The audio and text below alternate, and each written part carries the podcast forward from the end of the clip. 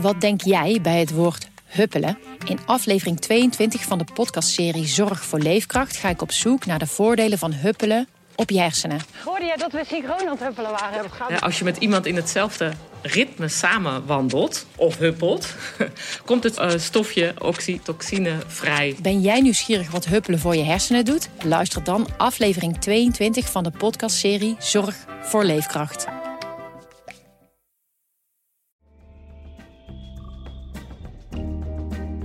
Welkom bij Wijsneuzen, de verkiezingen. De podcast van Trouw voor alle kiezers die niet gaan rellen of plunderen, ook al voelen ze soms best de aandrang daartoe. Wie heeft het nou niet op zijn tijd? In deze tweede aflevering gaat het om het klimaat.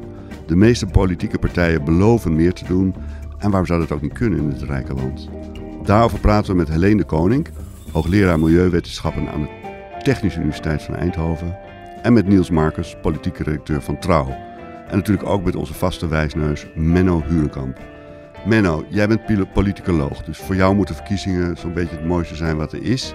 En daar vooraf gaan altijd hele mooie toogdagen van partijen, partijcongressen. Dus ik neem aan dat je daar het afgelopen weekend ook van hebt kunnen genieten. PvdA, CDA, GroenLinks. Ja, nou, om eerlijk te zijn was het eigenlijk een beetje slome toestand. Want het komt natuurlijk door die corona-omstandigheden, waardoor die congressen volstrekt zich digitaal voltrokken. Maar het komt ook een beetje doordat alle aandacht permanent uitgaat naar de regering en die politieke partijen er maar heel moeizaam tussenkomen. En um, ik heb een tijdje uh, die congressen inderdaad van wat dichterbij gevolgd. En een jaar of tien geleden kon je er vergif op innemen dat als er een congres van de Partij van de Arbeid was, dan begon Nieuwsuur al zo woensdag, donderdag te stoken met ongemakkelijke interviews met opstandige partijleden. Kwamen er in de loop van de tijd daar nog wat woedende opinieartikelen in Volkskrant en NRC overheen. En was er uiteindelijk een krachtig interview met de leider of iemand die de leider uitdaagde in een van de ochtendkranten op de dag van het congres. En dan tegen de tijd dat het congres er was, dan renden daar zeker duizend of anders wel 2000, 3000 leden rond met stoom uit de oren elkaar ja, allerlei eh, op, naar het leven staand over allerlei kwesties. Urenlang vechtend over moties en gedonder en gedoe. En nu, ja, wat nu kabbelde er allerlei ontzettend onduidelijke speeches van ja, partijleidertjes die elkaar iets betwisten, maar je wist niet helemaal precies wat. En hmm. dat, maakte dus een enorm kabbelende indruk. Niels, uh, politieke directeur van Trouw, zijn dit jouw eerste verkiezingen? Of heb je ook dit soort congressen meegemaakt die Menno net zo mooi beschrijft? Uh, ik heb wel meer congressen al meegemaakt, maar dit worden wel de eerste landelijke Tweede Kamerverkiezingen sinds ik in Den Haag op de redactie ben. Viel jou iets op in de afgelopen weekend rondom die congres? Nou ja, in ieder geval dat, uh, uh, dat de aanval op Rutte geopend is. Ja. Alle partijleiders vallen Rutte aan, van Hoekstra tot, tot Klaver tot, tot Ploemen. Hij is duidelijk de man, de te kloppen man bij de komende verkiezingen. Ja. Hey, intussen hebben we ook, uh, nou, al is eigenlijk zijn die congressen ook deels overschaduwd door de rellen die we de afgelopen dagen hebben gehad. Uh, na de afkondiging van de avondklok. Uh, Menno, ben jij ook de straat op gegaan of ben jij, heb je je gehouden aan de avondklok eigenlijk? Nee, ik doe al een paar decennia niet meer mee aan rellen. Um, nou, wat me eraan opviel was wel dat ik geloof, eerder deze week zag je minister Grapperhaus op uh, een van die talkshows bij Op1 via een monitor. Dus een beetje zoals wij nu naar Helene kijken. Um, meedoen aan een talkshow. En wat er, wat er, maar dit is een tussendoortje. Wat me er ook aan opviel was dat er recht boven zijn hoofd hing een fotootje van John F. Kennedy. Als een soort uh, uh, icoontje. Um, en ik dacht bij mezelf, John F. Kennedy, wie is? Uh, Grapperhaus, wie is dat ook alweer? Grapperhaus is blijkbaar ook al een fan van John F. Kennedy, want daar hoor je Jesse Klaver ook maar de hele tijd over. Want Jesse Klaver heeft namelijk dezelfde initialen als John F. Kennedy, dus ja, die voelt zich ook enorm verwant met hem. En daarna dacht ik bij mezelf, John F. Kennedy heeft net als Trump zijn boeken laten schrijven door ghostwriters. Heeft net als Trump zijn stemmen verworven door een veel te rijke vader. Die, die helemaal niet eerlijk verworven, maar gewoon met de miljarden van pa. En beide pa's hadden die miljarden eigenlijk ook weer bij elkaar geschraapt. Met ontzettend onduidelijke manoeuvres. En ze hebben allemaal een massa MeToo-achtige toestanden achter. Dus ik vroeg me, hoezo toch die, idolatie, die, die aanbidding van Kennedy? Maar sorry. Wat verband met rellen? Dat ik naar Grappenhuis zat te kijken terwijl hij aan ondertussen heel verbaasd was van ja We zijn veel te tolerant geweest. We hebben wel een half jaar lang met de jongeren gepraat over hoe we corona voor hen zouden kunnen opvangen. En nou gaan ze rellen. En dat vond ik toch eigenlijk wel redelijk een ontluisterende reactie van het bestuur. Echt een ontluisterende reactie. Die, de, de, reactie van we zijn veel te tolerant geweest. We hebben toch met ze gepraat en nou zijn ze boos. En toen dacht ik bij mezelf, nou dit is wel, dit is wel echt ongelooflijk treurig. Kan het ook zijn dat die, die rellen eigenlijk zijn ontstaan omdat die avondklok een beetje tegenviel? Ik bedoel, we hebben dagen gehad waarin politici en media uh, riepen van nou, nu komt het allerergste eh, wat er maar te bedenken is in het land. Dat is namelijk een avondklok. En ik had het zelf ook. Ik zat uit mijn raam te kijken en vijf voor negen was het. Het werd negen uur en het werd vijf over negen. En er veranderde eigenlijk helemaal niets. Dus er was ook een soort teleurstelling dat dit allerzwaarste wapen, het moeder van alle wapens, uh, wat echt door de media ook, maar ook door de politiek heel erg zwaar was aangezet, uiteindelijk in een soort grote leegte eindigde. Ja, nou kijk, wat mij wel vooral bijbleef is, er werd een paar keer de parallel getrokken met de kraakbeweging, want dat is de vorige keer dat er zoveel echt geweld op straat zichtbaar was. Maar bij de kraakbeweging deed een deel van de politiek toch altijd zijn best om verwant te blijven met die mensen. Die had de PSP en de CPN en ook de Partij van de Arbeid tot op zekere hoogte, die op de een of andere manier zeiden van ja, we houden misschien niet zo van jullie geweld, maar we, de, de, de, de huisvestingsproblematiek, die zien we. We, we. we delen dat probleem. Dus er was altijd een klein beetje vertakking naar de actieve politiek van, binnen dat protest. Maar nu zie je eigenlijk dat ah, ja, niemand wil er iets mee te maken hebben. Dus die, er zijn mensen die, die mollen van alles en iedereen roept Amas, het zijn criminelen. En Wilders, die in eerste instantie gezegd heeft van we moeten met z'n allen in protest komen, die zegt daarna van nou zet maar het leger in tegen mijn eigen mensen. Ja, en dat is natuurlijk, ik vind dat eigenlijk gewoon volkomen ontluisterend. Allemaal ontluisterende reacties, dus zowel van Grapperhaus als van Wilders, allemaal ja, ontzettend lafhartige ontkenningen van wat er, wat er aan de hand is. Ja, Helene Koning, uh, jij zit heel ver weg in Amerika, uh, maar we zien je via een scherm en we horen je uiteraard, dus daar zijn we heel blij mee. Volg jij dit soort uh, gebeurtenissen in Nederland uh, uh, vanuit die afstand? Ja, uiteraard. En weliswaar niet zo goed aan, als jullie drie, denk ik, aan tafel. Um, maar we hebben hier in Amerika natuurlijk ook zo onze rellen gehad. de afgelopen zeggen, ja. weken. Um, uh, en ja, de, de parallellen dringen zich uh, wel op. Dat, uh, dat, snapt natuurlijk iedereen. Dit is het kapitoolmoment van, van Nederland in zekere zin. en ik denk ook wel, als, het, als ik het onderwerp naar klimaat mag brengen. Oh ja. um, dat, um, het doet me een beetje denken aan die gele hesjes in, in, in, Frankrijk, die trouwens helemaal niet zo gewelddadig waren. Um, maar een, een, analyse die ik daarover las van uh, Pieter Leroy, uh, oud-hoogleraar aan de Radboud Universiteit, vond ik echt heel inzichtelijk, waarin hij eigenlijk aangaf dat uh, deze mensen jarenlang steeds meer dingen is afgenomen eigenlijk. Ze hebben hun leefomgeving zien uh, verpieteren. De middenstand uit de stadjes ging naar weidewinkels buiten de stad. de, de, landbouw werd steeds grootschaliger waardoor ze hun landschap niet meer terugherkenden, banen verdwenen uh, uh, van het platteland naar de stad. En toen kwam er ook nog eens een uh, CO2-belasting overheen. en die, die weerstand die dat opriep was eigenlijk meer een druppel die een emmer liet overlopen dan een, dan een weerstand tegen klimaatbeleid als zodanig. Terwijl het wel zo vaak is, is, is neergezet. In ieder geval, dat was die analyse van van, van Pieter Roy. Dus eigenlijk die mensen zijn helemaal niet tegen klimaatbeleid. Maar ze zijn tegen het hele collectief van dingen die hun eigenlijk marginaliseert. Ja, had ik niet de indruk dat de mensen die deze week in Eindhoven en andere plekken de straat op gingen zich tegen de CO2-heffing keerden? Nee, zeker niet. Nee, natuurlijk niet. Uh, maar het, is wel, het kan wel zijn dat die avondklok weer een druppel is. Uh, en een, uh, ja, een, een ja. ja een klein onderdeel, wat, wat uh, ja, de maat is gewoon vol.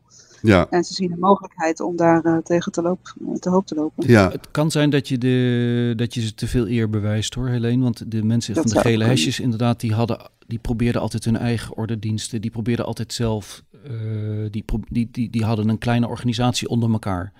En deze mensen hadden natuurlijk amper organisatie anders dan dingen kapot maken of stelen. Dus maar eh, we hebben natuurlijk in, Nederland, uh, in Nederland hebben we natuurlijk eerder al um, boerenprotesten gezien, waarbij boeren ook het idee hadden uh, dat ze elke keer door een hoepeltje van de, van de overheid moesten springen. En um, nou ja, op een gegeven moment uh, daar stikstofbeleid overheen kwam en uh, boeren ook boos opstormden naar provinciehuizen en naar het Malieveld en noem maar op. En uh, ik denk dat de, de grote overwinning van Forum voor Democratie bij de provinciale statenverkiezing van vorig jaar ook voor een heel groot deel ingegeven is door um, klimaatmaatregelen. Hè. Dat klimaatakkoord, de eerste versie, was toen net gepresenteerd. daar was eigenlijk niemand tevreden over in Den Haag. En nou ja, daar werd eigenlijk, denk ik, werden de mensen in het land voor het eerst geconfronteerd met, met vergaand klimaatbeleid wat gevoerd zou gaan worden. En ik denk dat dat wel een rol gespeeld heeft toen in de, in de grote overwinning die Forum toen uh, boekte.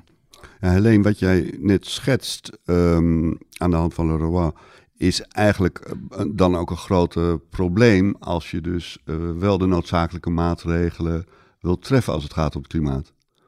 Hoe moet je nou ja, dat ik doen? denk dat het iets ik denk dat het iets zegt over het type maatregelen waar, we, uh, waar de Nederlandse regering op inzet. Die vooral gericht zijn op uh, zo goedkoop mogelijk tonnen CO2 reduceren en daarop compleet optimaliseren.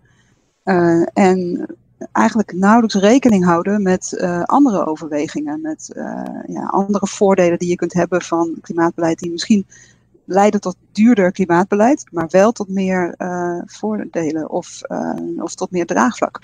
Dus je kunt ook, of misschien tot meer differentiatie. Weet je? Want er is gewoon een groep mensen die wil best harder gaan. En die legt ook zonder subsidie zonnepanelen op hun dak. nou, maak gebruik van dat potentieel in de samenleving. En probeer niet iedereen op dezelfde manier te behandelen. Hetzelfde is met de, met de industrie. Ieder, ieder, iedere chemische plant is anders en ieder industrieel cluster is anders. En eigenlijk zou je uh, iedere um, fabriek of ieder bedrijf een soort eigen behandeling willen geven. Dan kan dat niet voor alle kleine bedrijfjes, want dat is gewoon, dan worden de transactiekosten te hoog. Maar voor die nou ja, twaalf grote bedrijven in Nederland zou dat misschien wel kunnen. Zoveel zijn dat er niet. Dus, uh, en dan kun je veel gerichter kijken. En dan krijg je ook minder dat probleem van dat je ze eigenlijk te veel subsidieert. Ja. Dus op die manier, um, ja, wat je dan krijgt veel meer een tailor-made uh, uh, beleid. Ja. maar omdat we in Nederland alles, ja, dus zo economisch optimaal mogelijk willen doen, zo efficiënt mogelijk willen doen, krijg je eigenlijk dat je, dat je, dat je daarmee sommigen bevoordeelt en anderen benadeelt. En daardoor hele duidelijke winners en losers creëert. En, en daar krijg je die ongelijkheden van die, die uitmonden in, ook in protesten.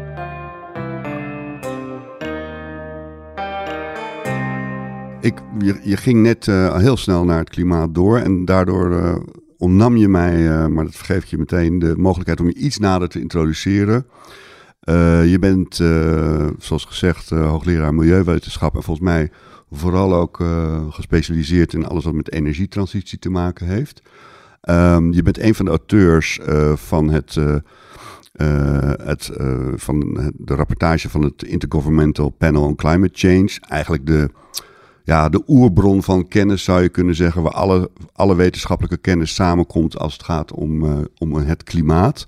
En dat daaruit ook, uh, waaruit ook de doelstellingen zijn geformuleerd, voor bijvoorbeeld uh, het klimaatakkoord. En als zodanig ben je ook eigenlijk de rechthebbende eigenaar van een klein deel van de Nobelprijs voor de Vrede, die in 2007 is uitgereikt aan het, aan het panel.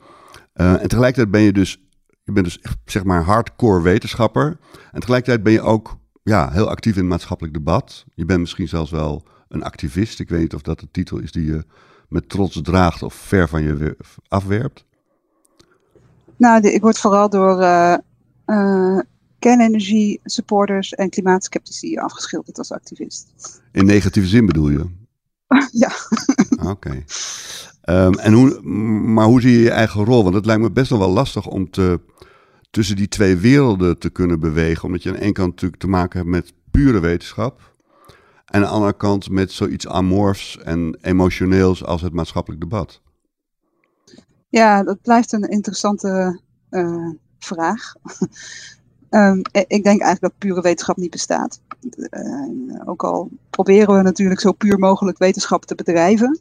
het is meer een soort een manier van, van dingen aanpakken en van, van waarheidszoeking, zeg maar.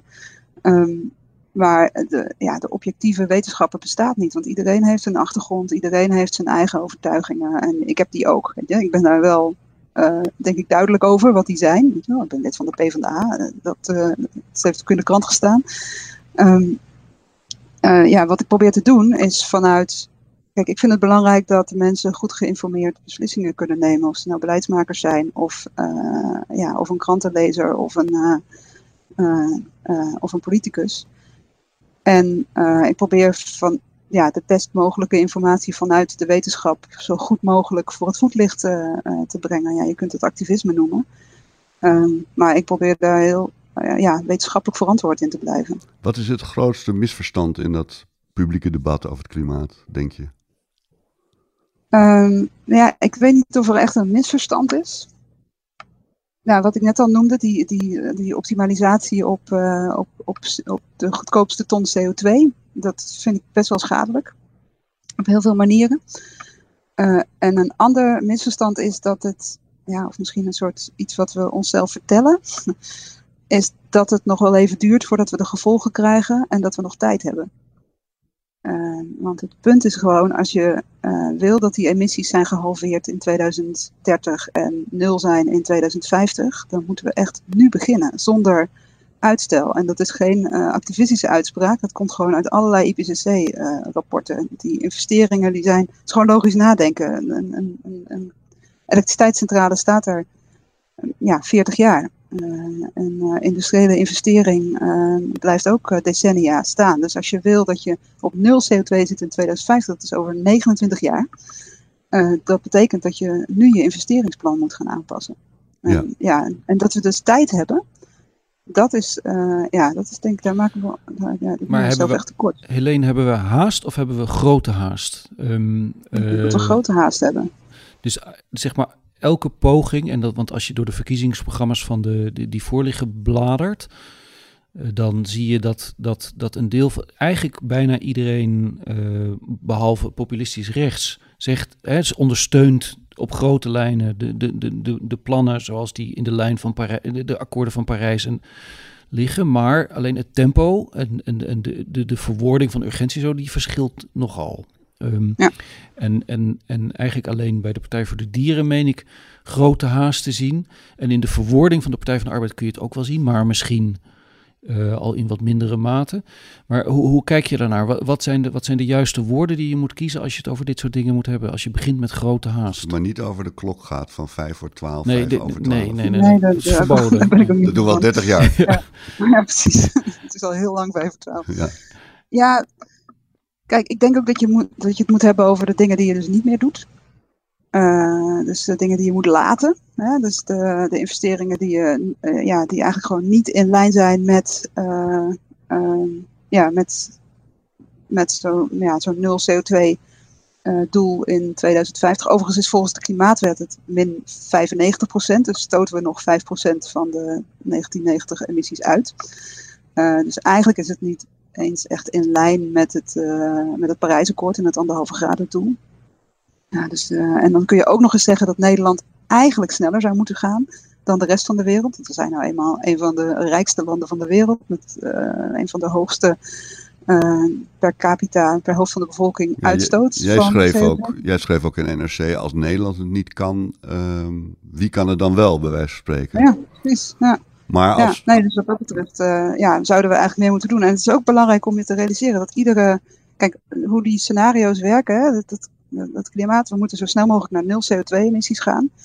En daarna moeten we onder de nul gaan. Dus moeten we eigenlijk als wereld netto CO2 uit de atmosfeer gaan verwijderen.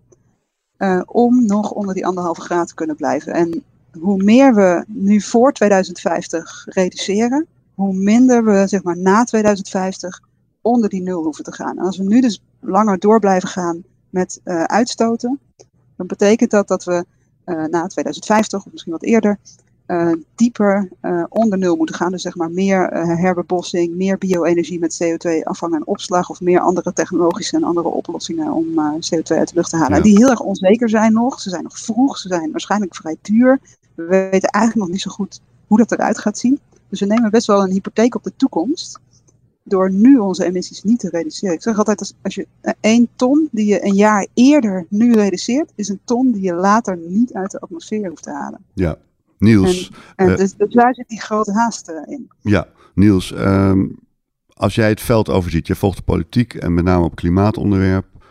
Hoe zit het met de ambities? Uh, komen die een beetje in de buurt uh, van wat Helene betoogt als je naar de programma's kijkt? Nou, wat, wat Menno net zei, uh, viel mij ook wel op. Dat eigenlijk bijna alle partijen meer willen dan, dan vier jaar geleden. dat besef is wel echt van VVD tot, tot SP is dat doorgedrongen. Um, vier jaar geleden streefde dit kabinet nog naar 49% CO2-reductie. Dat uh, heeft er vervolgens voor gelobbyd om uh, die Europese ambitie naar 55% uh, te krijgen. En eigenlijk alle partijen die, die, die ondersteunen dat, die 55% op, op PVV en Forum voor Democratie na. En je ziet dat een paar partijen meer haast maken. Uh, GroenLinks, uh, Partij voor de Dieren, of uh, nee, GroenLinks en um, D66 wil al naar 60% in 2030. En de Partij voor de Dieren die zegt zelfs, nou we moeten naar 0% al in 2030. Is dus... dat ook, um, zijn het ambities die praktisch zijn of het klinkt als heel erg ambitieus? Ja, ja, ik ben ook wel erg benieuwd. Uh, Zo'n 55% doel, uh, begrijp ik al, is nou ja, bijzonder ambitieus en bijzonder lastig te halen. Uh, je moet namelijk niet alleen windmolens bouwen, bijvoorbeeld. Je moet, je moet met heel veel haast moet je windmolens bouwen en zonnepanelen aanleggen. Maar ook bijvoorbeeld elektriciteitsnet is nog niet klaar ervoor om zoveel uh, stroom uh, van, van windmolens op zee, uh, windparken op zee naar het land te transporteren. En we zitten nog aan het gas. Dat gaat ook niet echt snel. Ja, ja dus het, eigenlijk het hele land moet, moet in no time omgebouwd worden om, om hier plek voor te maken. En ik ben ook wel benieuwd hoe alleen dat ziet. Um, is het mogelijk om, nou ja, om die elke keer hogere ambities ook, nou ja, ook uit te voeren? Ja, het is wel Um, kijk, het is natuurlijk mooi dat die ambities er nu zijn. Hè? En dat, uh, ik, ik, tel ook echt mijn zegeningen. Want ik loop ook al een tijdje mee hierin. En het is. Uh, uh, er is wel wat veranderd. Voor het eerst dat er echt. Ja, dat er zo'n breed politiek spectrum dit echt omarmt. En ook behoorlijk ambitieuze doelen omarmt. Want 55%, ja, ik vind het al behoorlijk ambitieus. Het is nodig, maar het is ook echt ambitieus. Um, ja, het, is, ja, het gaat echt om de implementatie hoe krijg je het uh, voor elkaar? En dan hebben we het over inderdaad de elektriciteitssector, we hebben het over gebouwen, we hebben het over de transportsector, uh, zowel goederentransport als mobiliteit van mensen. We hebben het over de landbouw, uh, ook al niet onbesproken zeg maar, op andere aardappel. terreinen. En we hebben het over de industrie, wat in Nederland de grootste uitstoter is. en al die sectoren hebben zo hun eigen uitdagingen, hun eigen tempo, hun eigen uh, dynamiek, hun eigen, ja, weet je wel, en de VVD, ja, die vindt uh, personenmobiliteit weer belangrijk. En nou, ieder, partij die, die pakt zo zijn eigen ding eruit. Het is duidelijk dat ze allemaal elektriciteit uit duurzame of CO2-vrije bronnen nodig hebben. Uh, dus er wordt veel meer geëlektrificeerd, zowel in de gebouwen als in de transportsector als in de industrie. Dus dat betekent dat je gewoon heel veel meer elektriciteit nodig hebt. nu gebruiken we veel gas direct, bijvoorbeeld voor warmte. Uh, en olie voor, uh, om auto's te laten rijden. Maar dat gaat langzamerhand steeds meer naar elektriciteit toe. Uh, dus, dus we hebben gewoon massa's elektriciteit nodig. Dus daarom, voordat we de andere sectoren kunnen gaan vergroenen, moet je eigenlijk een enorme toename van, ja, in Nederland zal het met name offshore wind zijn. wind op zee zijn, want daar, daar ligt gewoon het grootste potentieel. Of ja, kernenergie als je, als je denkt dat dat gaat lukken. Voordat we daarop doorgaan. Daarom, daarom, Helene, ja. misschien is het wel goed voordat je op. Want kernenergie moet je denk ik dadelijk ook nog wel even. Dat moeten we nog apart aanraken, vermoed ik. Maar, want je hintte er ook al een beetje op toen je begon over het voorbeeld van de gele hesjes. Um, als je kijkt naar de, zeg maar de opiniepeilingen en de, de, de, de voorkeuren van de bevolking, zie je dat er op zijn minst in Nederland, maar vermoedelijk ook wel in de omringende, er is wel echt een kwestie met het verschil tussen hoger en lager opgeleide en de mate van urgentie die ze bereid zijn om te ondersteunen en de, de hoeveelheden geld die ze bereid zijn om te besteden. Daar zit wel echt dat is, is echt een groot verschil tussen. Misschien wel groter op terrein van klimaat dan op alle andere onderwerpen die je kunt verzinnen, die je, die je kunt voorleggen aan de bevolking.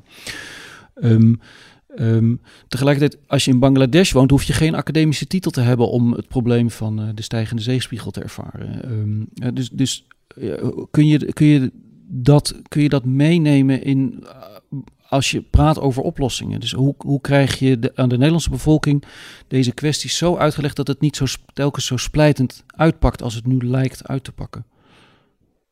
Ja, het, het is niet alleen een kwestie van het uh, ja, een aansprekend probleem voor iedereen maken, zeg maar. Dus mensen overtuigen. Het is ook een kwestie van beleid voeren dat rekening houdt met de verschillende mogelijkheden en zorgen van verschillende groepen mensen.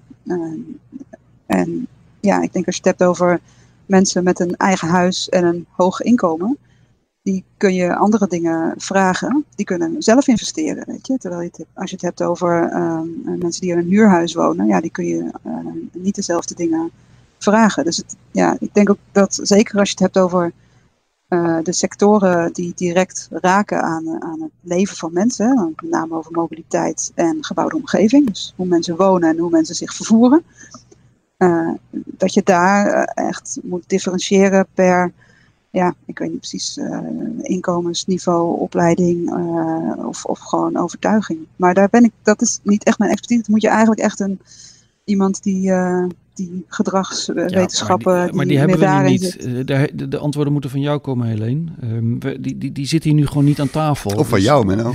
ja, nee, ik, het is mijn klusje hier om wat vragen op te werpen.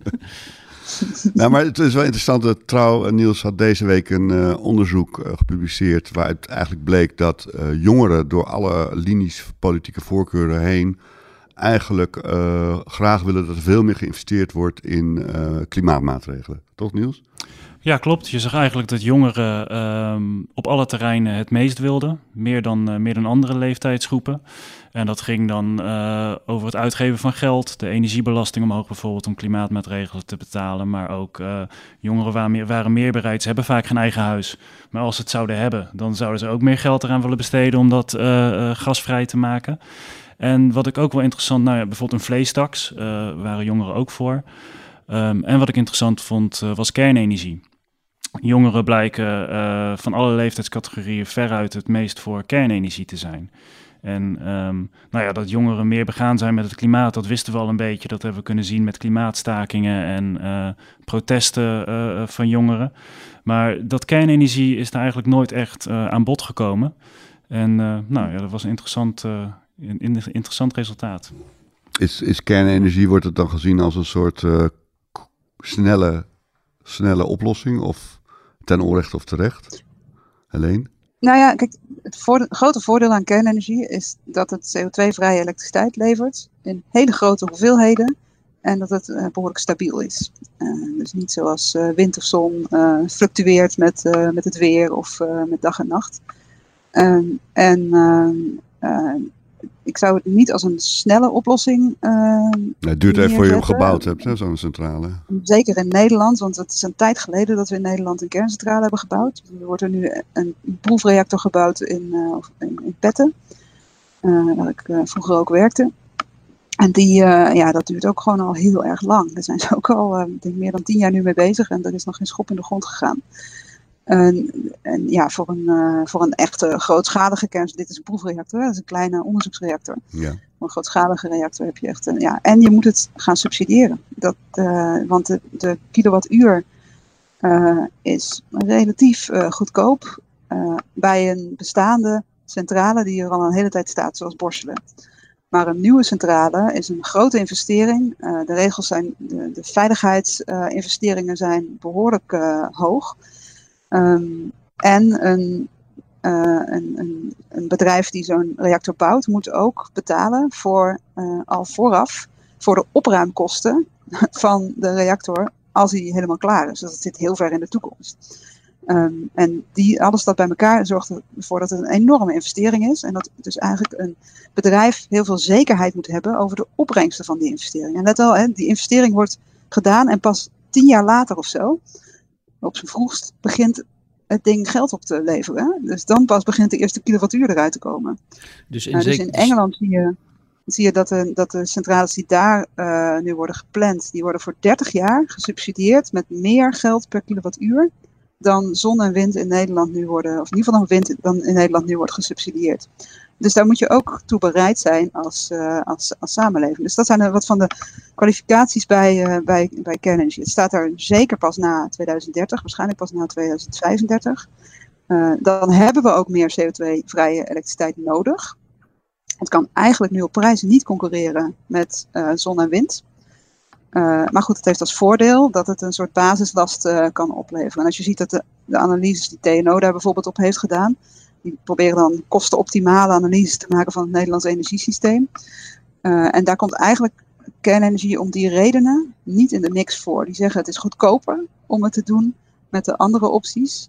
Uh, dan, dan met, uh, met kernenergie in de specifieke Nederlandse uh, situatie. Ik, ja. ik heb er zelf eigenlijk geen oordeel over, maar, ik, maar dit zijn gewoon de, ja. de feiten. Maar, maar de, de de pleidooien van CDA en VVD in hun verkiezingsprogramma's nu pro-kernenergie zijn dus eigenlijk een beetje gratuit. Omdat Wiebes ook geloof ik al wel eens in de Kamer heeft gezegd, we gaan het niet, ik ben er wel voor, maar we gaan het niet subsidiëren. Maar dat heeft dus, dus het is allemaal een beetje voor de bühne. Of um, hoe moeten we dat interpreteren?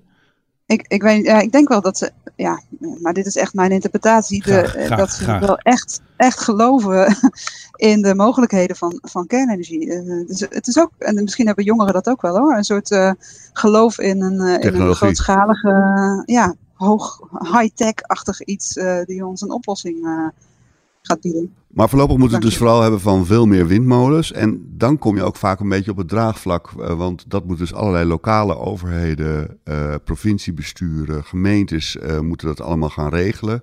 Terwijl de weerzin daartegen uh, van diverse bevolkingsgroepen, als zoiets in een buurt komt staan, natuurlijk niet gering is. En dat lijkt me dus ook, daar, daar hoor ik eigenlijk de landelijke politiek ook niet zoveel over. Over hoe ga je daar nou het goed zo organiseren dat mensen het ook uh, makkelijker kunnen accepteren. Ja, en daar, kijk, het leeuwendeel wordt sowieso offshore wind. Ja. Dus, uh, en daar uh, is de weerstand, in ieder geval de lokale weerstand, een stuk minder op. Nou, windsurfers zijn er ook tegen.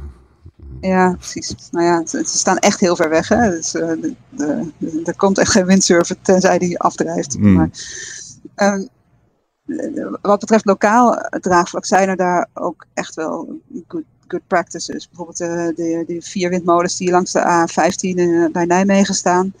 Uh, die, de eigenaren daarvan zijn lokale bewoners. Dus, en, en over het algemeen zie je dat als die mede-eigenaar zijn van die windmolens, dat de acceptatie veel hoger ligt.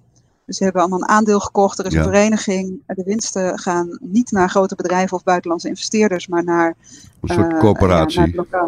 ja, naar zoiets, ja. ja. Ja, dus, dat, dus die coöperaties zijn wel eh, daarin heel belangrijk, denk ik, ook voor, uh, voor, voor draagvlak. En zeker als ze dan ook nog hun best doen om niet alleen maar degene die in staat zijn om een aandeel te kopen, daarin mee te nemen, maar ook uh, anderen die, uh, die daar niet meteen toe in staat zijn. Want ja, ook met die coöperaties heb je wel. Um, uh, het klinkt allemaal heel uh, inclusief en zo, maar uh, je moet je inkopen. en daar heb je natuurlijk ook weer het risico dat het een feestje wordt van de groene elite. Ja. Hey, Helene, waar gebeuren de goede dingen waar Nederland zich aan zou moeten optrekken in Europa of daarbuiten? Of zijn wij zo goed bezig dat iedereen naar ons moet kijken? Nou, weet je, ik um, ben best, best kritisch op het Nederlandse beleid, maar binnen Europa um, doen we het eigenlijk best wel goed. Ja? Uh, dit, dit knippen we eruit, landen... Frits. Dit knippen we eruit. Dit is, dit... Ja, ik weet het. kan echt niet. ik denk dat het land wat het echt beter doet is Zweden. Maar die zijn ook echt in een fantastische uitgangspositie. Weet je wel? Die hebben een paar grote kerncentrales staan wat al heel erg helpt. Die hebben heel veel biomassa van eigen grond. Ze importeren trouwens ook nog steeds wat. Maar uh, en daar eigenlijk alle hun huishoudens lopen uh, daarop. En er zijn ook heel weinig uh, Zweden met heel veel plek. er zijn weinig Zweden met heel veel plek. En, maar ze zijn ook heel ambitieus bijvoorbeeld in het vergroenen van hun industrie. En dat is vaak, als je kijkt naar bijvoorbeeld Duitsland, heeft het natuurlijk fantastisch goed gedaan wat betreft groene elektriciteit. Hè, met ja, heel veel wind en zon. Maar uh, als je kijkt naar hun uh, mobiliteitsbeleid, weet je dan zie je toch dat daar een behoorlijke auto-industrie achter zit. Als je kijkt naar hun industriebeleid, dan is dat eigenlijk, begint dat net een beetje pas te komen. En daar zitten in Nederland, hebben we daar al een klimaatakkoord met doelstellingen en is de industrie eigenlijk uh, veel verder. Als je kijkt naar België is het hetzelfde. Die hebben net een soort roadmap uitgebracht voor Vlaanderen, waar wel de meeste industrie staat in, in België. Ehm, Engeland doet het, Verenigd Koninkrijk doet het behoorlijk goed. Die hebben al sinds 2008 een ehm, klimaatwet. Eigenlijk de klimaatwet die wij vorig jaar hebben door het parlement hebben goedgekeurd. Die bestaat in het Verenigd Koninkrijk al sinds 2008. Die hebben een soort klimaatcomité die echt plannen daarin maakt. Aan de implementatie gaan ze ook heel hard op duurzame elektriciteit, dus met name offshore wind. Maar ook daar zie je nog wel dat het industriebeleid, het mobiliteitsbeleid en met name gebouwde omgeving nog wel uh, echt moet aantrekken. Dus het is, ja, het is een gemengd verhaal. Uh, maar Nederland kan eh, wel echt, uh, echt meedoen met, met, met de top in Europa.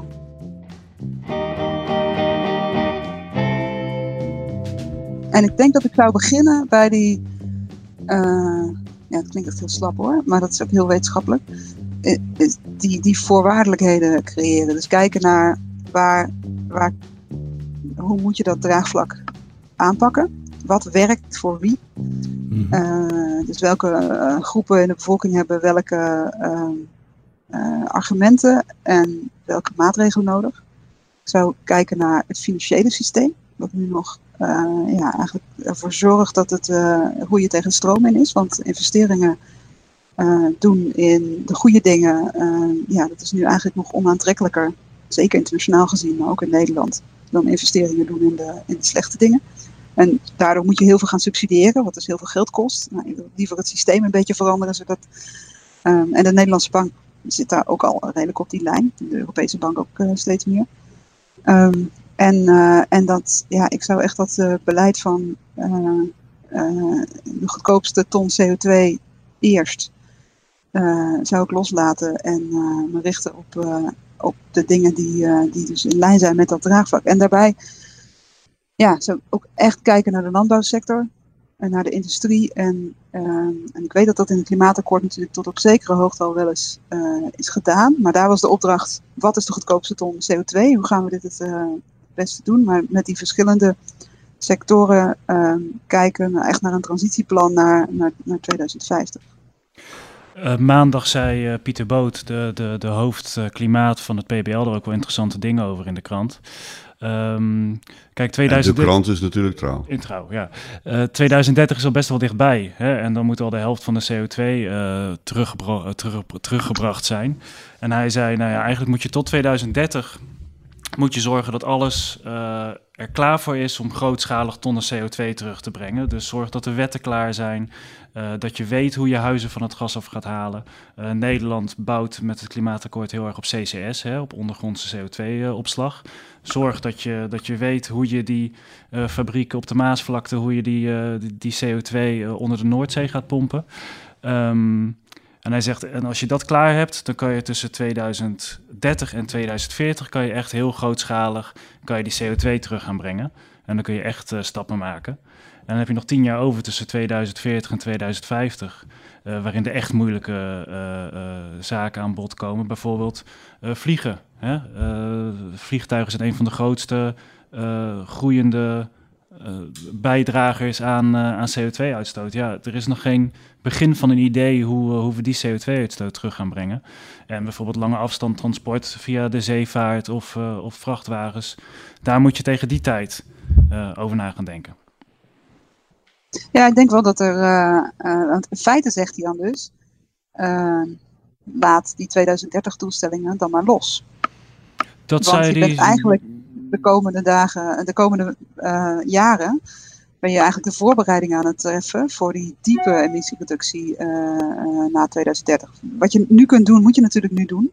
Maar als, als je nu bezig bent en in 2030 hang je uitgeput in de touwen en dan moet het de grootste klus eigenlijk nog beginnen. Uh, vorige week hadden we het met Saar de Lange en Bart Zuidervaart van de politieke redactie van Trouw ook over de impact van Corendon. Corendon Corona, sorry. Ik voel een knipmomentje aankomen. Ik, wil een reisje, ik wil even mijn reisje boeken, maar ik, dat kan niet. Uh, toei bedoel ik eigenlijk. Maar uh, uh, over de impact van corona op de campagne en de verkiezingen. Ehm, gaan we het überhaupt wel over klimaat hebben? Of gaan we het eigenlijk alleen maar over de crisis hebben en hoe we eruit komen? Hoe schat jij dat in, Niels?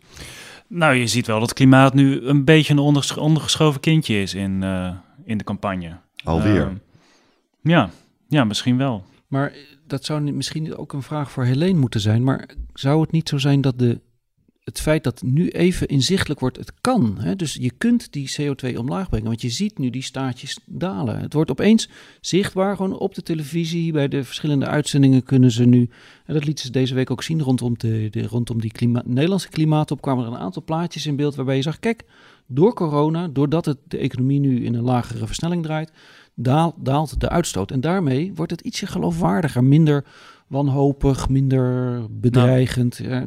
voor een, deel, voor een deel is dat ook zo. Ehm, wat je nu ook ziet is dat uh, overheden heel fors kunnen ingrijpen om uh, een crisis te lijf te gaan. En er zijn ook wel mensen die hopen dat dat besef en dat, nou ja, dat het ook bij overheden ertoe, het overheden ertoe kan leiden dat die ook uh, op klimaat verder in dus, zullen dus grijpen. De vraag ook, ook aan Helene is misschien, kan corona ons juist helpen als het gaat om klimaatbestrijding? Klimaatcrisisbestrijding? Ja, nou, ik denk, ik, ik denk dat corona inderdaad kan helpen zonder dat ik uh, af wil doen aan die, de ernst daarvan. Eén uh, ding is inderdaad dat we, onze, dat we in ieder geval voor één jaar ook mondiaal de emissies behoorlijk hebben teruggebracht. Ik wil er wel bij zeggen dat het natuurlijk niet de manier is waarop je dat wilt doen. Hè? Want uh, nee. het is eigenlijk niet de bedoeling dat je de hele economie stillegt. en, en, ja, en mensen, heel veel mensen van hun levensvreugde berooft. en het kan ook anders. Maar wat het inderdaad laat zien is dat, dat je dingen kunt veranderen als de overheid en de bevolking samen besluiten om dingen te gaan doen. En een andere heel belangrijke is hoe die investeringen om uit die crisis te komen, hoe die worden besteed. En op dit moment zie je dat dat in de EU nog redelijk groen is, alhoewel niet helemaal maar in heel veel landen gewoon helemaal niet uh, groen is. En er zijn studies die aangeven dat als je maar een fractie van je corona-investeringen uh, weghaalt bij fossiel, zeg maar, de fossiele bedrijven en inzet in, uh, ja, op zeg maar de klimaatvriendelijke weg, dat je dan ja, al, eigenlijk al genoeg doet om die klimaatcrisis het lijf te gaan. Ja.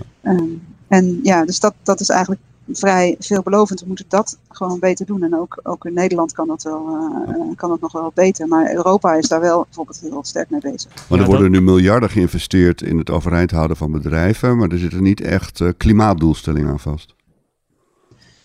Uh, nog heel weinig, inderdaad, voor zover ik weet. Alhoewel er natuurlijk ook wel miljarden gaan naar, naar investeringsfondsen, zoals het, het Groeifonds en dergelijke.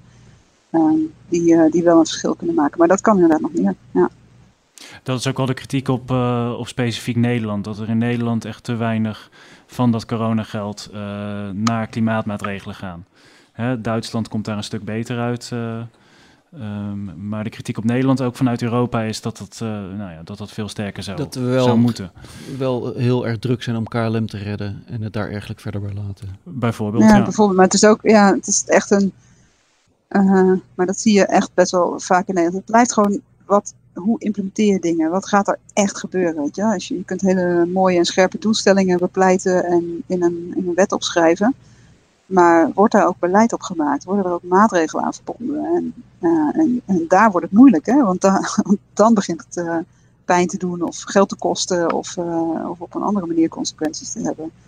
Um, en ja, daar zie je dan toch, ik weet niet precies hoe dat in Nederland werkt natuurlijk, ik ben maar een simpele wetenschapper die een beetje langs de zijlijn staat. Um, maar daar zie je toch wel dat er in Nederland nog een behoorlijke nee, Helene, fossiele nee, landbouwlobby is. Nee, je bent een Nobelprijsdragende ministeriabele kandidaat, verdorie nog aan toe. Niet, niet, niet een wetenschapper langs de zijlijn.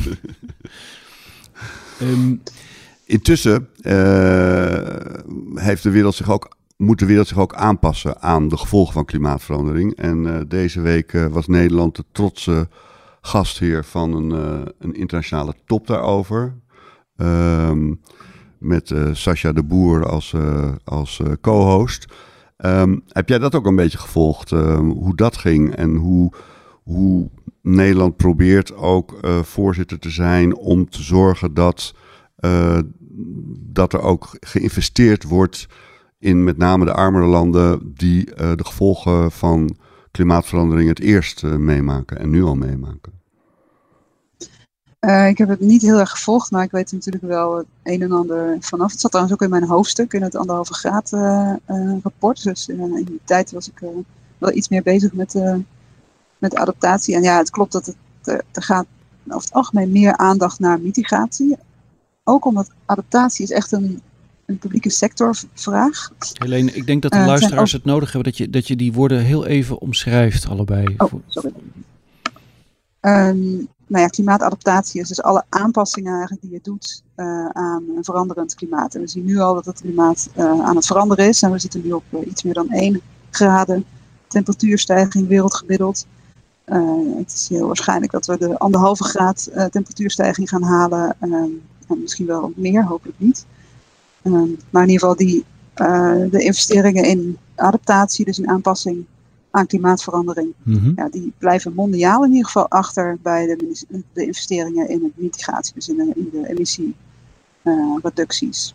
Uh, en dat is denk ik mede omdat ja, met mitigatie kun je ook nog wat verdienen. Hè. Vaak zijn het investeringen in uh, bijvoorbeeld duurzame energie of in energiebesparing. Ja, Nederland wil er wel graag geld in verdienen, heb ik de indruk. met name ook. Ja, maar het zijn dan toch eigenlijk altijd Um, publieke instellingen die bijvoorbeeld investeren in, uh, ja, in technologische uh, oplossingen zoals, zoals dijken of dammen. Uh, of, Daar schijnen we goed in te zijn. daar, daar, daar hebben we een, heel veel ervaring mee in Nederland. dus ja, dat is een, export, een exportproduct. Ja. En ook het ministerie van Buitenlandse Zaken zet, zet daar al jarenlang heel sterk op in. Ja, echt al decennia eigenlijk, om daar de Nederlandse uh, sector eigenlijk goed uh, neer te zetten. Dus tegelijkertijd willen we ook nog steeds. Uh, tegelijkertijd willen we ook nog steeds meer asfalt, asfalt op de wegen, bredere wegen, Lelystad Airport open. het zit, er zit iets schizofreens in volgens mij in hoe, we er, hoe we ermee omgaan. Ik, ik, ik vind dat ook wel gek inderdaad. Dat je aan de ene kant zegt we moeten ons aanpassen en, en, en bovendien in Nederland hele scherpe doelstellingen hebt voor, voor klimaatverandering. Want hè, ook die 55% emissiereductie die stond al in het regeerakkoord. Hè, dus in 2017 uh, eh, werd er al op ingezet. Er stond 49 procent en we streven naar 55 procent. Um, dus ja, en, dat, en dan tegelijkertijd uh, je wegen het uitbreiden en niet echt nadenken over een mobiliteitstransitie. Dat, ja, dat is, uh, dat is inderdaad wel uh, ja, beetje schizofreen. Ja. Frits, nog, mag ik één dingetje voor, voor, de notulen van deze vergadering uh, opmerken? En dat is dat wat Helene eigenlijk, een van de thema's waar Helene een paar keer op terugkomt, is dat implementatie of de toepassing van beleid is eigenlijk een ontzettend groot probleem. En ik denk dat Nederland langzamerhand op weg is naar een hopelijk op weg is naar wat meer bescheidenheid. Omdat de totale arrogantie van Hollanders van wij doen dat allemaal wel even, die is nu aan de orde gesteld in de toeslagenaffaire, waar gebleken is dat eigenlijk de toepassing dus een totaal disaster werd. Een heel pijnlijk disaster, een heel pijnlijke ramp zelfs. Dat blijkt nu ook in, die, in het vaccinatiebeleid telkens een, gedoe te zijn. En wat Helene eigenlijk beschrijft, ja, ook in die sfeer van klimaatmaatregelen, gaat ontzettend veel mis in de uitvoering. Ontzettend veel. En daar wordt wat met veel poelhaar wordt neergezet. Er wordt, dat strand ergens in een soort zandbak van onduidelijkheden. Um, en dus ik wilde graag heel eventjes die parallellen... Ja, maar voordat we dan heel somber uiteen gaan... Ik bedoel, tegelijkertijd nou. zegt Helene... En corrigeer me als ik het verkeerd uh, zeg, Helene of Niels... Uh, is Nederland, staat Nederland er niet slecht voor?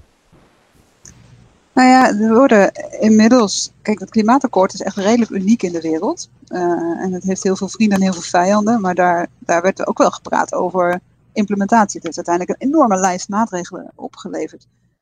Of die vervolgens kunnen worden uitgevoerd. En of de capaciteit, de, gewoon de mankracht, uh, de investeringen, uh, het draagvlak er is om dat uiteindelijk uit te voeren. Ja, dat is echt een, een, een tweede, want het klimaatakkoord, er zat, zat heel veel aan tafel, maar niet alles. Uh, en daar, daar lopen we ook wel een, een beetje tegenaan. We zeggen trouwens ook in het IPCC-rapport dat die, wat we dan institutionele capaciteit noemen, dat dat echt een van de belangrijke en minst besproken voorwaardelijkheden is. Maar dat is genoeg, genoeg mensen die zich er druk om maken met een verantwoordelijke positie. Bedoel je dat met institutionele En die weten wat we moeten doen. En die zijn nu allemaal met corona bezig. Dat is het probleem. Heb ik het ja, en dat betekent en ook in de financiële sector en weet je wel, in de gemeente, ja. op alle lagen, in alle. En dan heb je het in Nederland is het nog relatief goed, hè? Ja. Uh, als je het hebt over ontwikkelingslanden, waar uh, in kleine landen, weet je wel, een hoofdman en een paardenkop op een ministerie zich ermee bezighoudt, die echt hele andere problemen hebben. En daar moet het ook gebeuren. Ja. dus daar zit ook een hele grote uitdaging om dat op gang ja. te brengen. Dus de... Menno, vorige keer twijfelde nog een beetje. Zei nou ja, ik sluit niet uit dat de VVD toch niet de grootste wordt, wat de meeste mensen toch wel verwachten. Uh, en sprak je ook een beetje de vrees uit dat wellicht dan de PVV eh, groot wordt. En dat uiteindelijk CDA 3, PvdA 4 wordt. Zijn er nog in jouw denken veranderingen? Nou, in mijn denken gebeurt sowieso vrij weinig. Um, uh, Nee, ik, ik, ik, denk dat het, dat het, laat, op, het wordt in de laatste week beslist uh, wat, wat er gebeurt. Het is een, beetje raadselachtig dat er aan de ene kant grote staatrellen zijn... en dat aan de andere kant de regering die er nu zit... gewoon nog steeds een parlementaire meerderheid heeft in de peilingen. Ja, en het goed doet in de peilingen. Het doet het gewoon hartstikke goed. Um, Eigenlijk alle partijen dus, die er dus, deel van dus, uitmaken. Dus, dus dat, zijn, ja, dat zijn kleine, grappige raadsels... waarmee we ons nog wel een paar weken... Ja uh, zoet kunnen houden. Maar voor, voor het klimaat zou een gedoogcoalitie met PVV waarschijnlijk uh, geen goed nieuws zijn, omdat die toch uh, samen met Forum voor Democratie het meest op de lijn zitten. Dat we daar vooral geen aandacht aan moeten besteden. De PVV schrijft gewoon ronduit hufterige dingen in, in haar verkiezingsprogramma, ook over klimaat. Ja.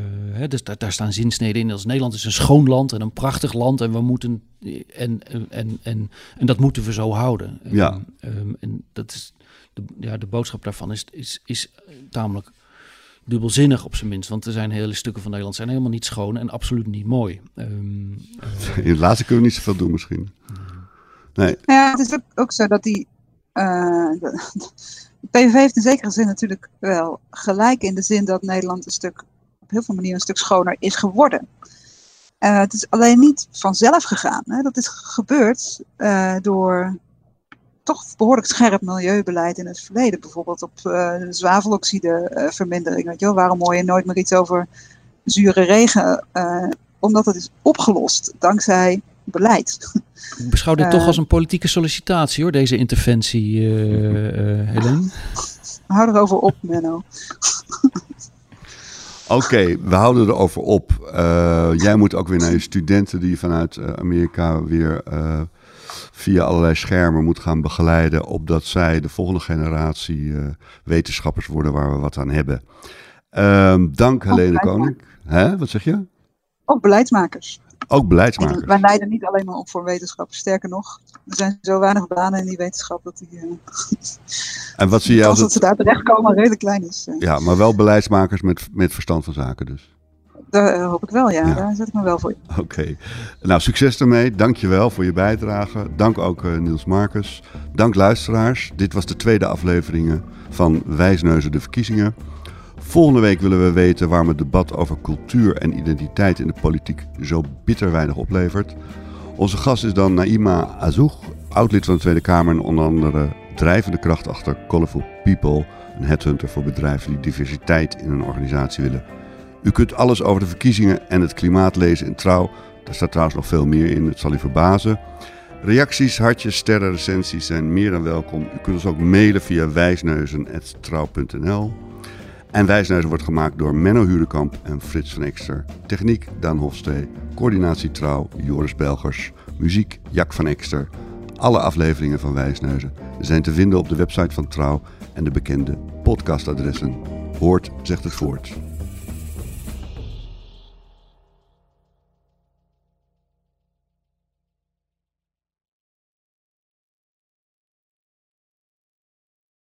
We worden dagelijks overladen met overbodige informatie. En het is moeilijk de zin van de onzin te scheiden. Daarom vertrouw ik op echte journalisten in plaats van meningen.